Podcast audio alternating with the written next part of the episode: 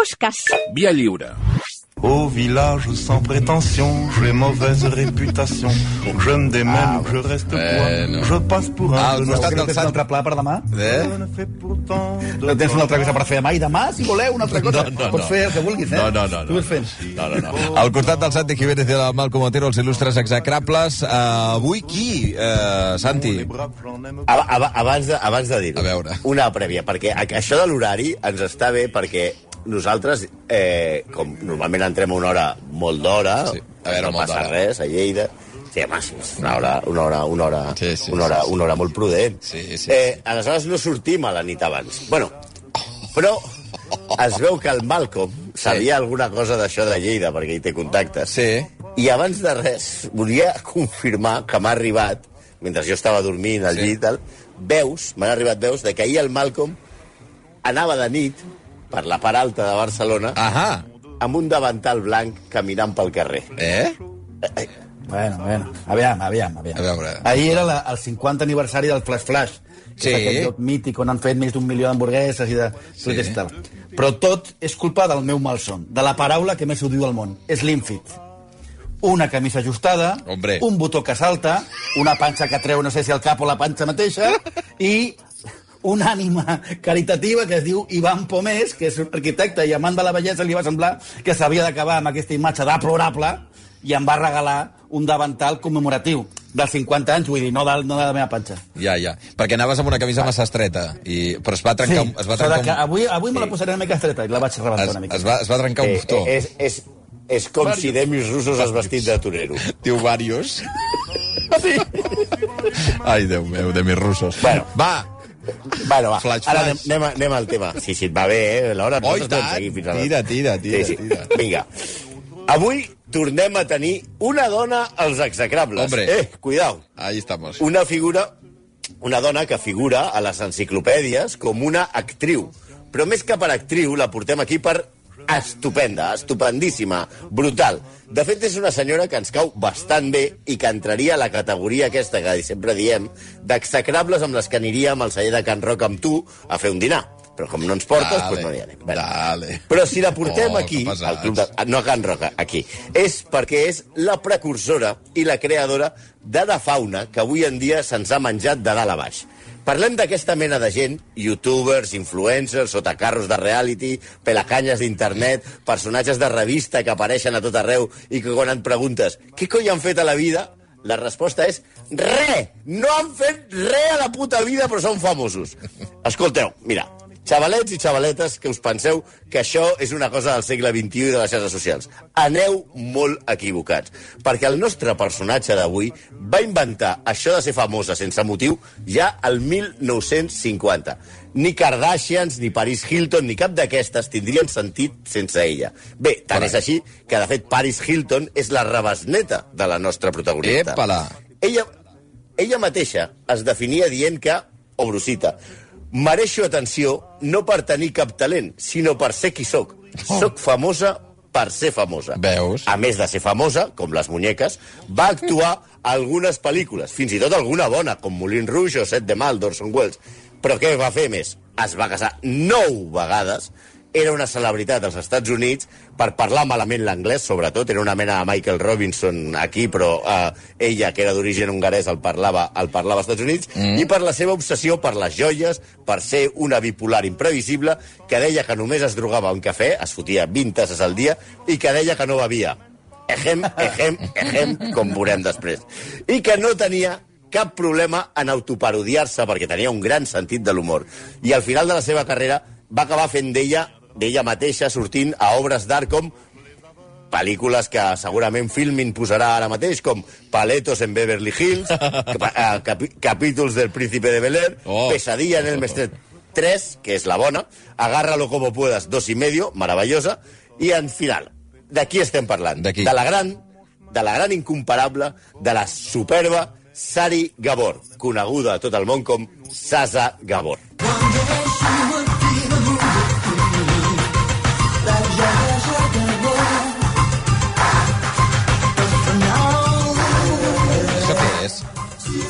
És una cançó que parla de Sasa Gabor, Ah, mira, però que és, té sentit, això, francament, és francament horríssona, és a dir, no es pot, no, no es pot sentir. Sí, sí, sí. sí. Suposo que el Jaume Ripoll està prenent nota de les pel·lis que ha dit el Santi per, per, per la programació de film. De eh? Filmin, sí, sí. Bueno, Sasa, Sasa és el nom pel que va ser coneguda a tot el món. Però en realitat es deia Sari, que sembla una mica diminutiu de Sarita. La Sari, ven per aquí, la Sari. Ai, la Sari. Ai, la Sari, lo que m'ha dicho. No quedava... Era... Era- que no era un nom massa artístic. Sari. No, Sí. no, no. Ja, ja, Sari. ja. Bueno, A la Índia, a la Índia la confonien amb una túnica. A una roba. oh. No, era, i no és conya, de Galícia, però de la Galícia dels Càrpats, que aleshores era part de l'imperi austro-hongarès i que ara formaria part entre Ucraïna, Polònia i Moldàvia. Aquesta és la dada cultureta. Ara. Ara anem al que és important. Era guapíssima. Com Ara. diria Pantomima Full, un paibon. Paibon. De fet, tots a la família, totes a la família, totes, totes, eren guapíssimes. Ella, la seva mare, les seves dues germanes, entre les quatre van completar 19 matrimonis. Hosti. Perquè des de l'inici, la Vaya- seva mare, que era un, Vaya rècord. un rècord, un bitxo, un bitxo ambiciós, que va veure que les seves filles va veure en les seves filles una manera de prosperar socialment i les va inculcar que aquella hermosura havia de posar-se... a Hermosura? Bellesa, sí, Eh, sí, de cas. Hermosura, perquè estan per sobre de tot. És l'hermosura de les dones. hermosura, hermosura. Vale, vale. L'hermosura. Vale, si volem ser fins, eh, que com som nosaltres, Molt, diríem molt. que la, que jo crec que sou el, el cas canònic de, de, de films. Ai, de, de pues films. això, la, la finura, amb la finura que ens caracteritza, Sí. diem que la mare, que es deia Janka, però que tothom coneixia com Jolie o Bijou, Ai, que vol dir sí. joia, exercia de mare de folclòrica. De, saps aquesta senyora que va amb les nenes? Sí. O de, com la mare de Tamara, la Ah, famosa ah. Margarita Seis Dedos. Exacte. I ella Acompanyant. portava les tres... Clar, aquella que portava un, un, un, un totxo a la, a la bossa. És morta, no, Què? la Margarita Seix Dedos, estava pensant ara. Déu sempre s'emporta les millors. Sí. Digues, digues. Eh, eren tres germanes. Magda, que era la gran, Sasa, que era la mitjana, i Eva, que era la petita. I em dic que totes eren guapíssimes. I la mare també era molt guapa. Ella, la mare, portava les nenes als teatres a presentar-li senyors per dir-los «Has vist quines nenes més mones i guapes que tinc?» I no sap com canta i com ballen i que simpàtiques que són. Això és la versió fina. Ara la farem a l'estil execrable. Ai, ai. La veritat. La mare era una proxeneta que, que emputia les nenes. Ai, no fotis. Eh, com expliquen a la biografia de, de la, del clan Gabor, Bijou era, obro cometes, de criteris morals descuidats i no tenia cap problema en oferir les seves filles a senyors rics. Ai, Déu meu. perquè tenien molta hermosura. Ara. Una anècdota, quan ja eren famoses i vivien a Califòrnia, un fotògraf va voler fer un Per reportatge... tot, ana- anaven totes juntes, o què? Sempre. eh, Ah, val. Tot el clan que deies tu. que el, el, quan ja eren famoses i vivien a, a Califòrnia, un fotògraf va voler fer un reportatge amb Satsa i Eva, la seva germana, que també era actriu, o una cosa semblant, i els hi va proposar una foto estirades al llit en roba interior. I la mare va dir que ella també volia sortir a la foto. Eh? I el, i el fotògraf educadament va dir, home, senyora Cacatua, que és que no, aquí no, no, no, no, no ho veia dient. I la mare va contestar, obro cometes, perdona, qui et penses que ha ensenyat aquestes noies a posar sobre d'un llit? Ta. Aquesta, aquesta mare era tot un personatge que estava obsessionada amb les joies. Tenia, de fet, una joieria amb el críptic nom de La Casa del Diamant. Que, que no saps què vas a trobar allà. És a dir, ei, la Casa de les Mantes, què trobaràs? Pues, la, casa, pues, la, casa, la Casa de los Audífonos, la Casa de los Retrovisores, la Casa del Diamant. I va inculcar a les seves tres filles una competència desmesurada entre elles des de ben petites. Volia que es comportessin sempre com a divas. De fet, els hi cobrava dos cèntims per deixar que li toquessin la cara. O sigui, no es deixava tocar la cara per Què? les seves filles. I si li volien sí, tocar sí. la cara o fer-li un petó, li Paga. havien de pagar dos, dos cèntims. Quan va esclatar la Segona Guerra Mundial, va aconseguir tot el clan fugir als Estats Units gràcies a que Magda, la filla gran, era molt cometes, cometes, cometes, amiga, cometes, cometes, cometes, de l'ambaixador de Portugal. Així, que era un d'aquests senyors a la que la mare li havia presentat a la seva filla. Així que totes van poder fugir a Europa d'Europa a temps. Van arribar als Estats Units sense parlar una paraula d'anglès, però amb els tacons de les sabates plens de diamants disposades a triomfar al, pre, al preu que fes falta.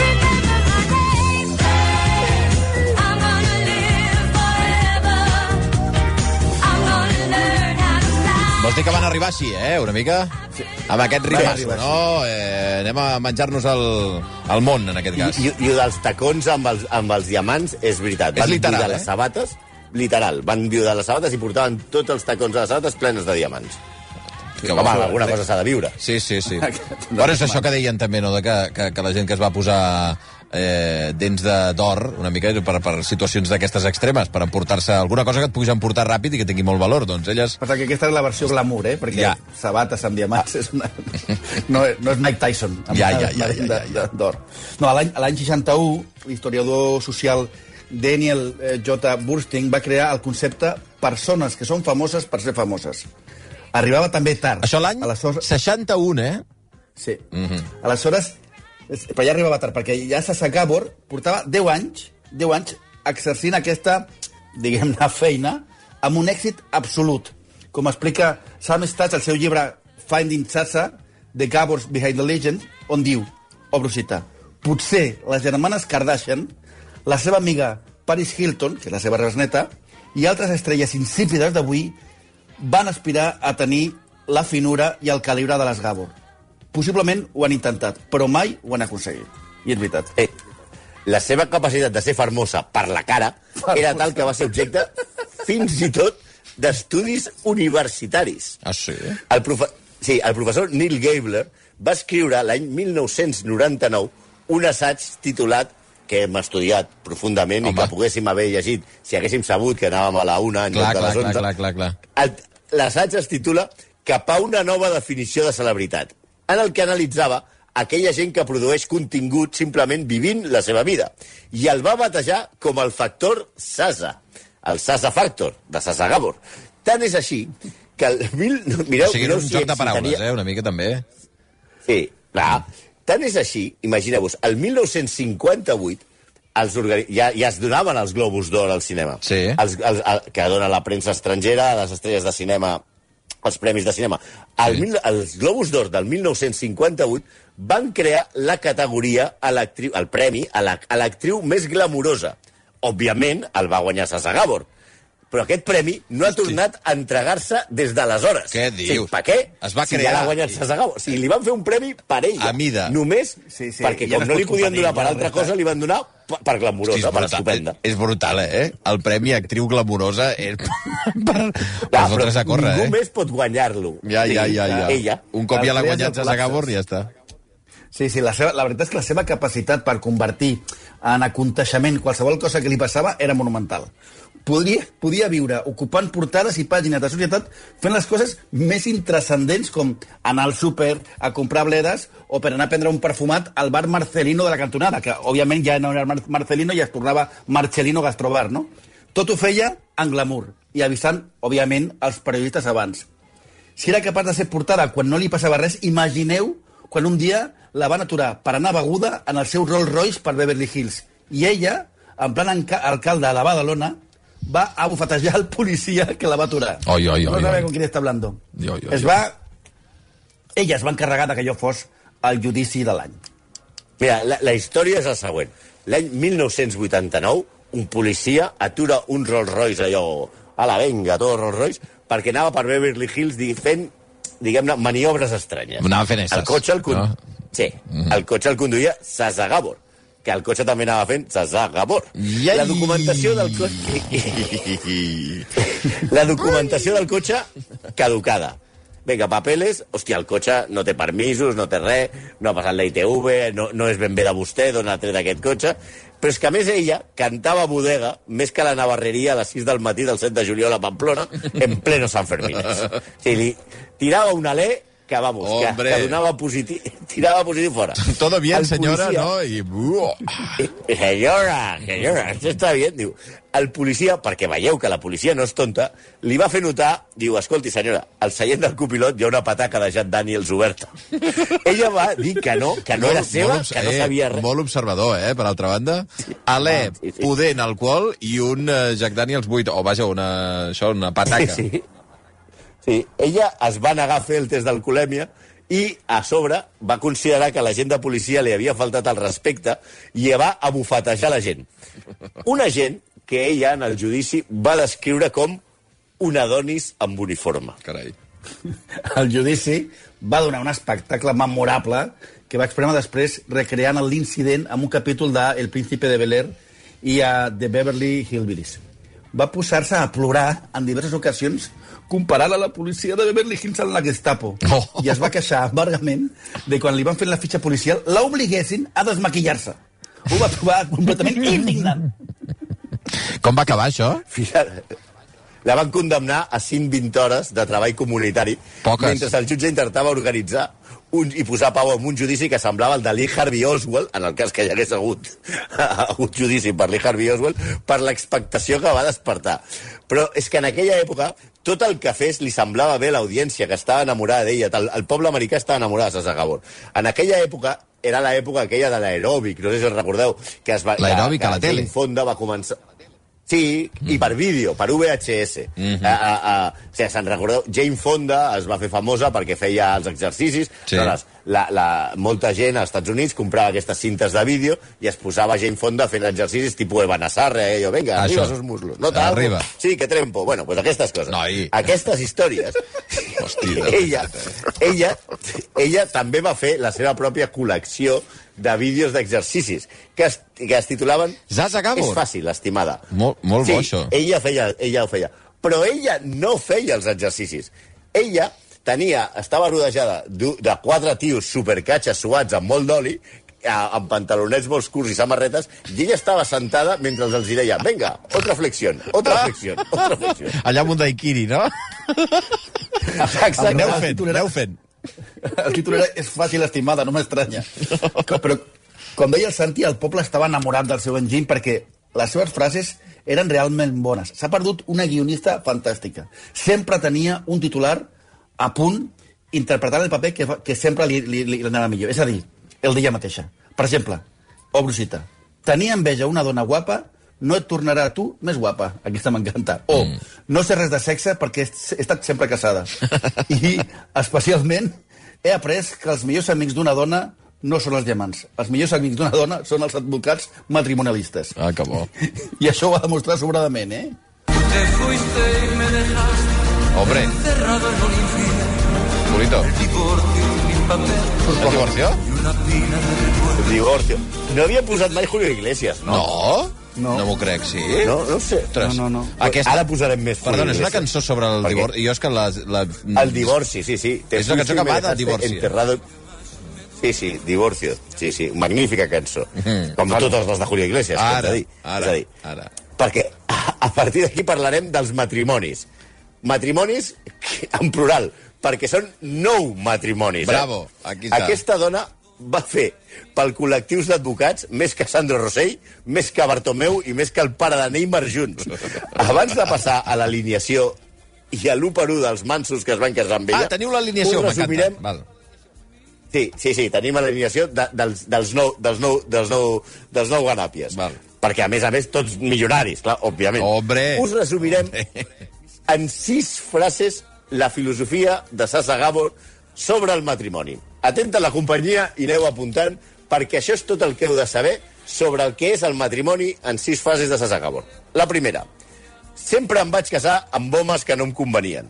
És una malaltia, la meva malaltia. Quan més dolents em deien que eren, més m'atreien. Segona frase. Divorciar-se perquè no estimes el teu marit és tan estúpid com casar-te amb ell perquè només l'estimes. Tercera.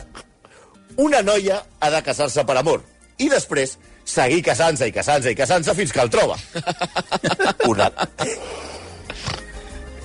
Una altra frase. Aquesta és meravellosa. Crec en la família nombrosa. Tota dona hauria de tenir com a mínim tres marits.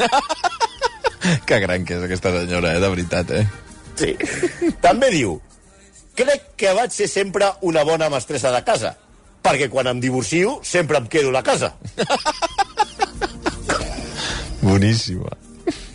I finalment, les, el súmum de, la, de les frases és mai he odiat suficientment a un home com per tornar-li els diamants que m'ha regalat. Ah, I ara, m'encanta.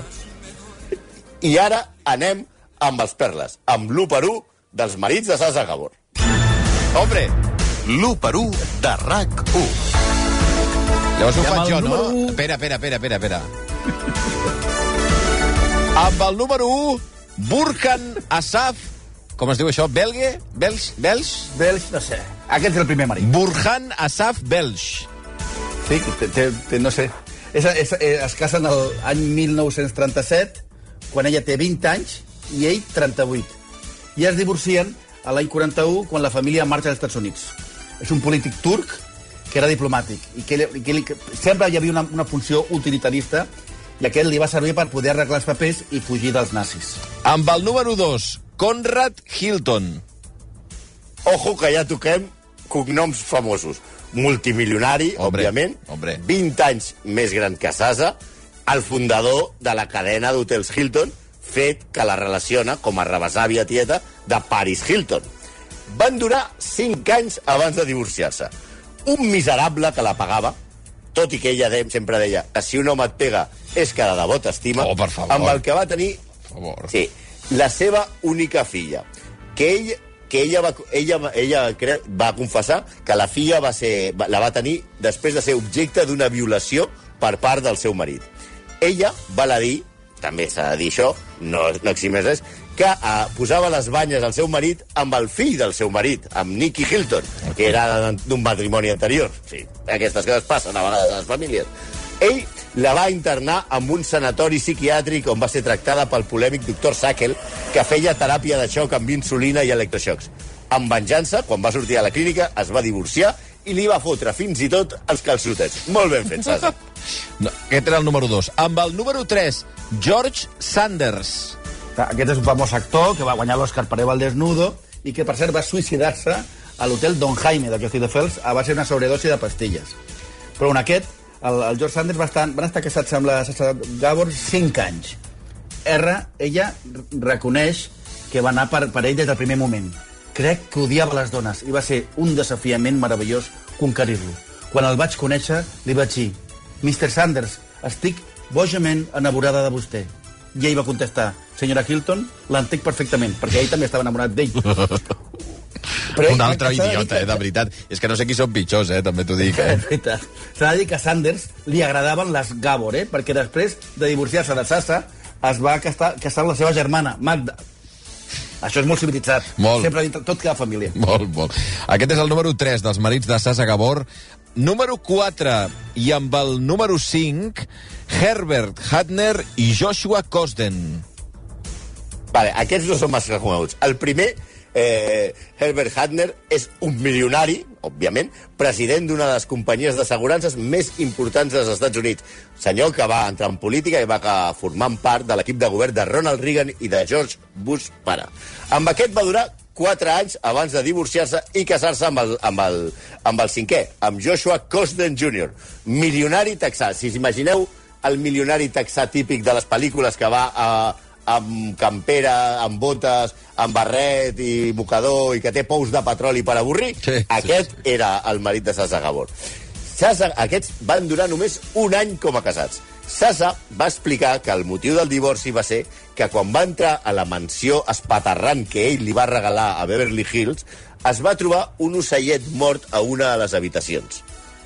I ella explica, plorant i molt afectada, el vaig enterrar al jardí i li vaig dir a Joshua, a Joshua que mai podríem ser feliços a aquella casa. Casa que, per cert, es va quedar ella. M'encanta, de veritat, eh?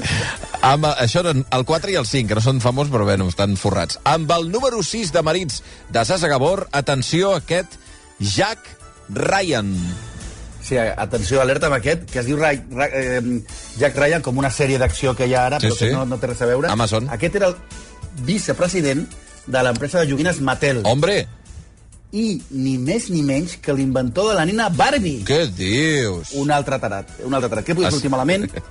pues van sortir, van, van estar casats un any i mig i el divorci, diguem-ne, que no va ser amistós del tot perquè es van barallar, barallar per veure qui es quedava el Rolls Royce. Hombre. Tí- Típica discussió de matrimoni. Sí, sí. I com no es posaven d'acord, Ryan va anar al taller on, on estaven reparant el cotxe i es van dur el paratxocs de davant, el de darrere, les rodes, el seient i el, radi i el radiador. I la resta per tu. Sí, tu et quedes allà, a les portes. Aquest era- arreglar bé. Aquest era el número... Bastant salomònic. Aquest era el número 6 dels marits de Sasa Gabor, Jack Ryan. Amb el número 7, ara farem junts, eh? Número 7 i número 8, Michael O'Hara i Felipe de Alba.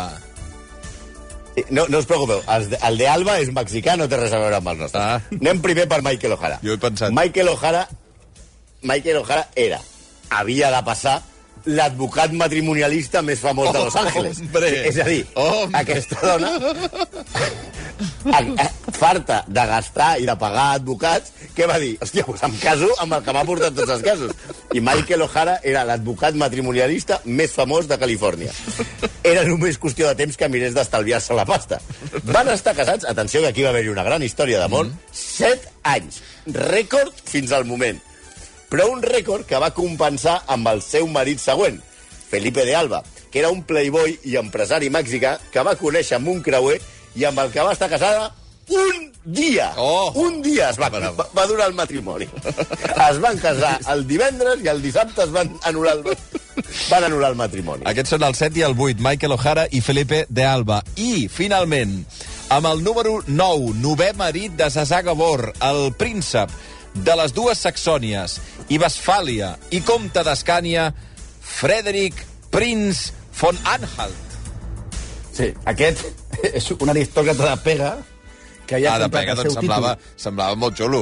No sé. Sí, sí, però bueno, que en Alemanya ja no ja s'havia acabat Ja. la- l'aristocràcia. Però Ah, bueno, sí, això és veritat. havia, havia comprat el seu títol i sobretot aquest cognom a eh, mèrit d'August d'Anhalt, la filla política del Kaiser Guillem, i quan aquesta se li va morir el fill, aquest Galtes la va, li va proposar amb ella, li, la va convèncer perquè l'adoptés amb 40 tacos. Vull dir, aquesta senyora va adoptar aquest Galtes com a fill per legalitzar-li els seus títols nobiliaris. A canvi, ella es comprometia a passar-li a la senyora una pensió vitalícia de 2.000 marcs al mes.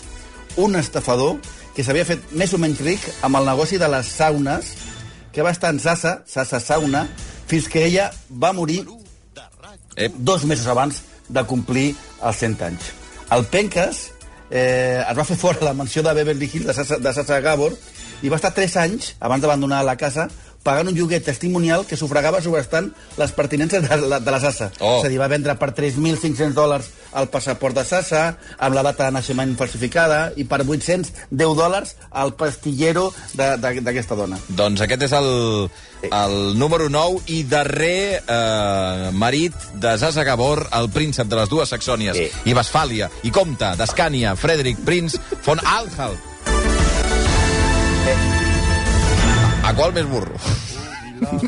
Sí, aquest, aquest últim és, és, és, és un penques que es va aprofitar i que va embolicar a, a Sasa en projectes impossibles per guanyar diners. Com un que es deia Hollywood Fantasy, en el que pagant 7.500 dòlars, tu tenies 5.500 dòlars, podies passar una setmana de vacances a, amb Sasa Gabor a Palm? Springs.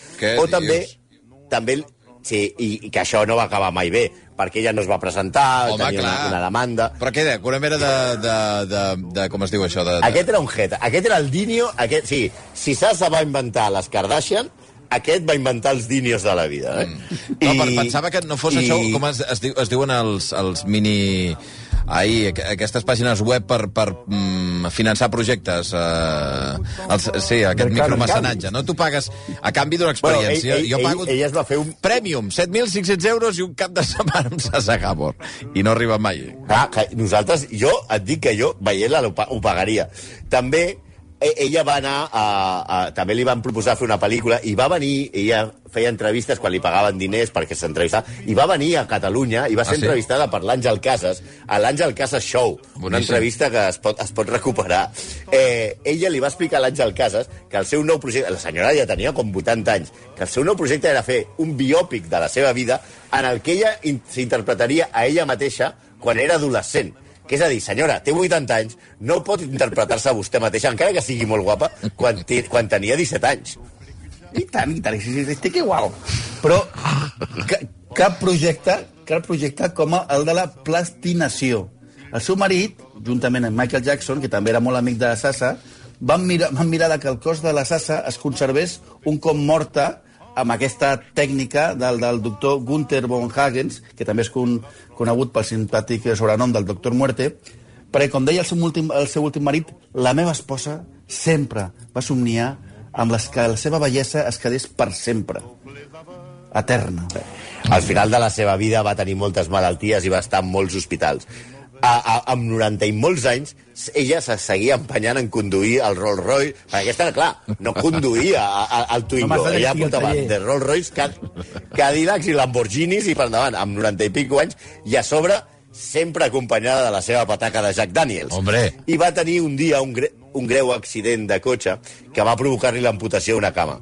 I després eh, va tenir molts problemes de salut, però sobretot el problema de salut que la va acabar de tombar eh, va ser quan ella estava malalta a casa seva i va assabentar-se de la mort d'Elizabeth Taylor. Va tenir tal disgust que va haver de tornar a ser ingressada. I ella va dir, primer Jane Russell, ara Liz Taylor, jo sóc la tercera, perquè hi ha una dita, una tradició a Hollywood que diuen que les estrelles moren de 3 en 3, i ella va dir que era la tercera. És una senyora a la que respectem molt, però que li devem la sarta de cagabandúrries de famosos per res. Però a diferència dels d'ara, ella deia, amb raó, i aquesta frase també és molt bona, que és seva, ella deia que no podia haver construït aquesta imatge estúpida de mi si no fos una persona seriosa. Sí, senyora, totalment d'acord. Faríem un dinar al seu homenatge al celler de Can Roca quan el bundó... I dalt. Quan vulguis, Dalt. quan vulguis. Va, execrables, que vagi molt bé, eh? Descanseu. A. Una abraçada, Sí, merci. Adéu-siau. A la una, dissabte. Bien Ala. entendu, sauf les aveugles, bien entendu.